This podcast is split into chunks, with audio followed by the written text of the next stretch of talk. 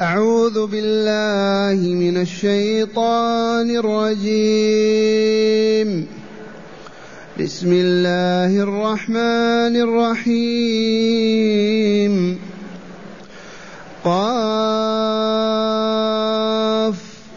والقرآن المجيد. بل عجبوا أن جاءهم الكافرون. فقال الكافرون هذا شيء عجيب. أإذا متنا وكنا ترابا. ذلك رجع بعيد. قد علمنا ما تنقص الأرض منهم. وعندنا كتاب حفيظ. بل كذبوا بالحق لما جاءهم فهم في أمر مريج. أحسنت. معاشر المستمعين والمستمعات من المؤمنين والمؤمنات. قول ربنا جل ذكره قاف. هذا حرف من حروف الهجاء ومثله صاد ومثله نون ومثل هذا حرفان صا ياسين طه طاسين وثلاثة أحرف. قاسم ميم أربع أحرف كافا يا عين صاد فما سر هذه الحروف التي يفتتح الله بها هذه الصور القرآنية الكريمة؟ القول الذي لا خلاف فيه وليكن عقيدة كل واحد منا أن نقول الله أعلم بمراده به. لا نقول معناه كذا أو يدل على كذا أو كذا. نقول الله أعلم بما أراد بهذا الحرف. فنفوض أمر فهمه إلى الله عز وجل. فنطمئن ونستريح. ولا نقع في الافتراء والكذب الله أعلم بمراده به. وهناك لطيفتان نكرر القول فيهما مع كل سورة مفتتحة بهذه الحروف تذكيرا للجاهلين وتعليما تذكيرا للناسين وتعليما للجاهلين. اللطيفة الأولى لما صدر الأمر في مكة بمنع سماع القرآن. حاكم مكة أصدر أمره ممنوع على المواطنين أن يسمعوا القرآن لا من أبي بكر ولا من رسول الله ولا من بلال ولا فلان. وإذا ضبطت تسمع يعاقبك. ممنوع من باب الاحتياط. سياسة. فلما صارت الصور تفتتح بهذه الحروف ويسمع يسمع السامع طاسيم لأول مرة ما كان العرب يعرفون هذه الصيغة وهذا الصوت أبدا. يضطر إلى أن يسمع. ألف لام ميم. صاد. يصغي يسمع. فإذا أصغى واستمع يدخل القرآن في قلبه. هذه اللطيفة تحققت من هذه الحروف. اللطيفة الثانية لما ادعوا أن هذا القرآن أساطير الأولين وأنه ليس من كلام الله وأنه وأنه أعلمهم تعالى أنه مركب من هذه الحروف. فتفضلوا أنتم ألفوا صورة مثل القرآن. أولا قال فأتوا بمثله ثانيا بعشر صور جهلوا عجزوا قال بصورة فقط. والله ما استطاعوا. وفيهم البلغاء والفصحاء وأرباب البيان و عجزوا على أن يأتوا بمثل صورة من صور القرآن. ولو من صورة الكوثر أو الفيل. عاجزوا فدل هذا يقينا على أنه كلام الله ووحيه. هاتان لطيفتان قال بهما أهل العلم من السلف والمعنى كما علمتم أما الكلمة الله أعلم بمراده نعم بمراد من هذا الحرف هو يعلمه فنفوض أمر ذلك إلى الله. قاف والقرآن المجيد. القرآن كلام الله كتاب الله. هذا الذي نحفظه في صدورنا ونكتبه في سطورنا حلف الله به. ولله تعالى أن يحلف بما يشاء من خلقه. لله تعالى أن يحلف بما شاء والشمس وضحاها. والسماء ذات البروج والليل إذا يغشى والتين والزيتون لله أن يحلف بما شاء من مخلوقاته لماذا يحلف من أجل أن يقبل الخبر أو الكلام السامع. لأن هذه فطرة غريزة إنسانية.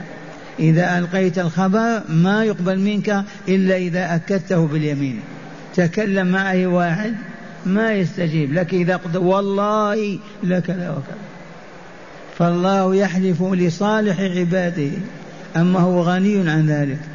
لكن من أجل فطرة الناس وغريزتهم أنهم ما يقبلون الأخبار العظيمة إلا إذا كان عليها يمين.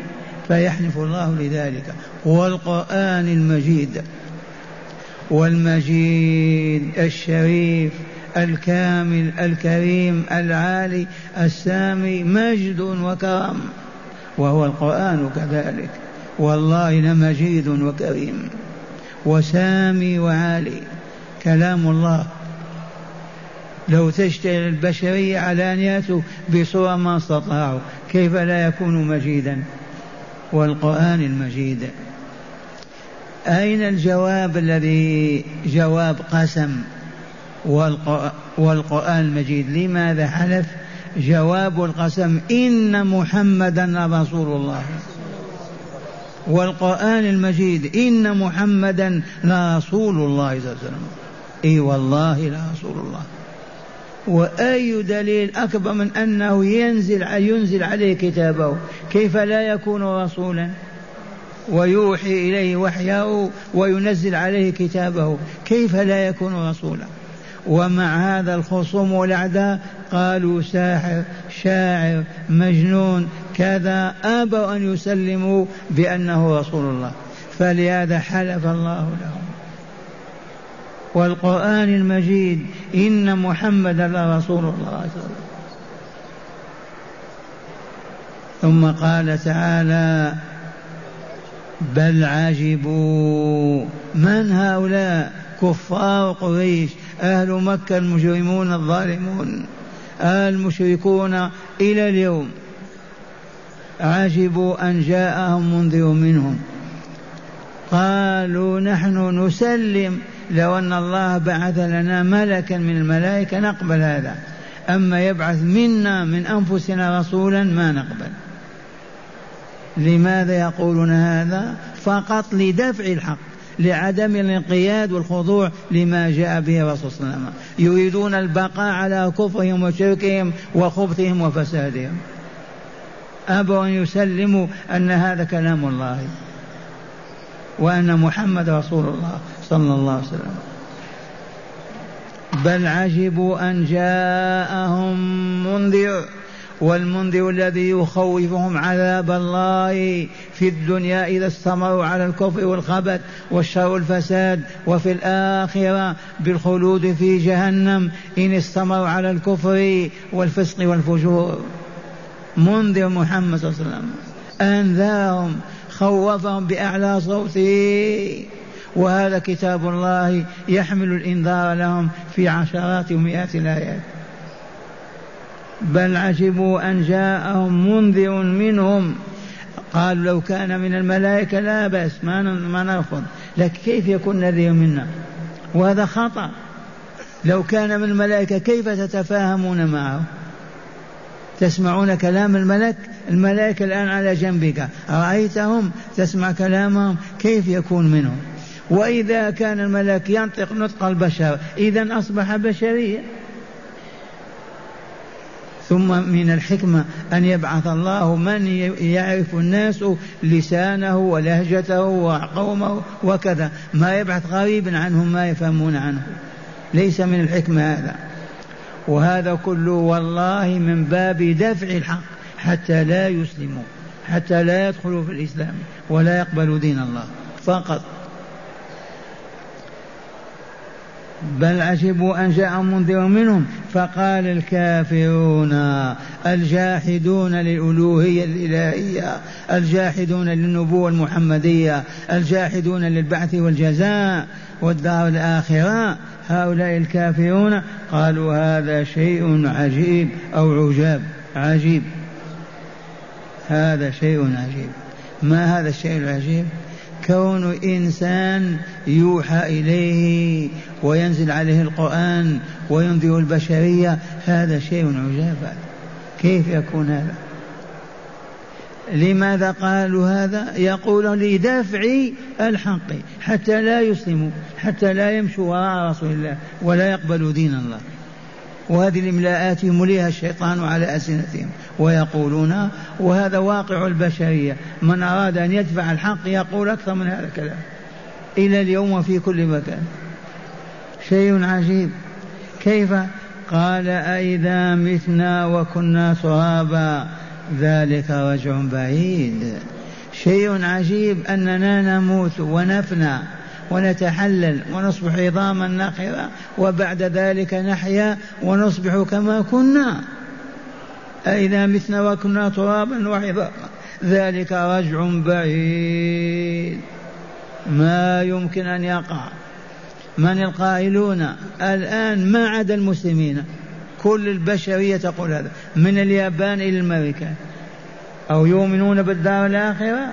لو آمنوا بالبعث والدار الآخرة. والله لقرعوا أبوابكم. يطلبون منكم أن تعلموهم كيف يعبدون الله. ليكملوا ويسعدوا في الدار الآخرة. والله ما يؤمنون. ولو تنازعهم أو تجادلهم قالوا كما قال المشركون في الزمان الأول ويردون عليك. هكذا قالوا أئذا متنا وكنا ترابا ذلك رجع بعيد. والله ما هو ببعيد. أبدا. الذي يقول للشيء كن فيكون يبعد عنه هذا؟ كما أوجدنا أول مرة يوجدنا مرة ثانية. قال تعالى في رد رد عليهم قال تعالى قد علمنا ما تنقص الأرض منهم.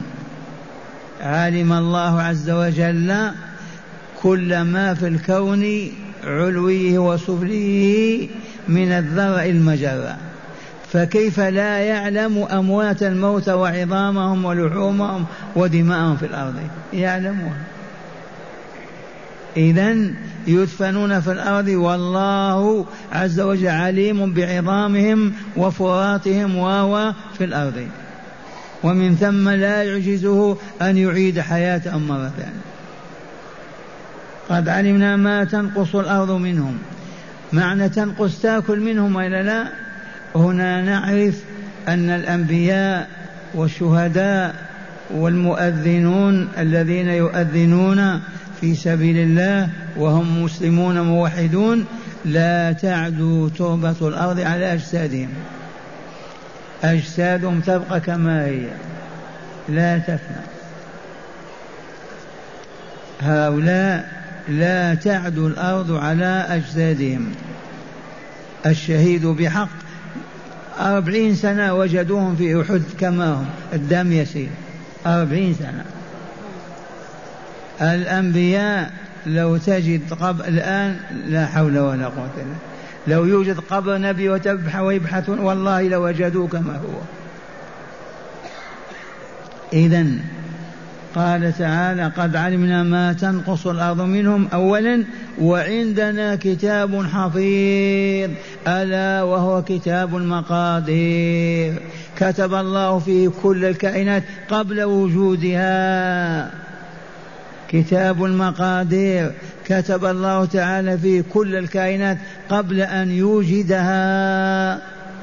إذ أخبرنا رسول الله صلى الله عليه وسلم فقال إن الله أول ما خلق خلق القلم.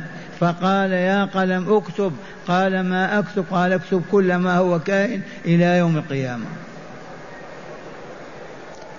اذا ما داموا مكتوبين في كتاب المقادير كيف يخفون على الله وما يوجدهم؟ أمران عظيمان. الأول علم الله بما تنقصه الأرض وتأكل من أجسادهم علما يقينيا. ثانيا كتاب المقادير فيه صورهم وأجسادهم كما هي. فلا يخفى على الله شيء. وقد علمنا الرسول كيف يكون ذلك وهو كما يلي. اولا نفخة الفناء. نفخة الفناء. إسرافيل عليه السلام ينفخ في البوق. نفخة فيفنى كل حي في هذه الأكوان. وتتحلل الدنيا وتذوب كلها. نفخة البعث فقط. الأرض استوت وأصبحت كقوس كقوس العجين مستوية. ينزل مطر من فوق من السماء. كمني الرجال فما من عجب ذنب هناك إلا وينبت صاحبه منه. لأن عجب الذنب عظيم في آخر خرزات الظهر. موجود. هذا والله ما يفنى.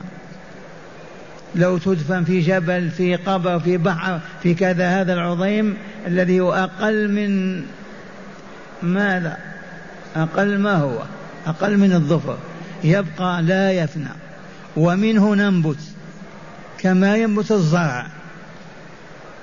إذا فينزل ذلك الماء من السماء فتنبت البشرية من بسبب ذلك الماء تنبت من من جهة ذلك العظم المسمى بعجب الذنب. وناخذ في النمو في النمو فترة حتى يكتمل الجسد كما هو في الفواكه والخضار. لما يكتمل الجسد ينفخ إسرافيل نفخة البعث ينفخ الأرواح فتدخل كل روح في جسدها. كل روح تدخل في جسدها نفخة البعث. فإذا هم قيام ينظرون. نفخة البعث. عرفتم؟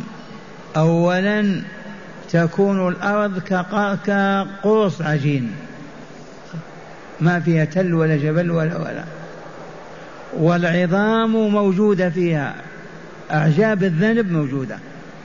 عرفتم عجب الذنب؟ عظيم صغير في آخر خرزات الظهر. ما يفنى أبدا. ما تأكله الأرض.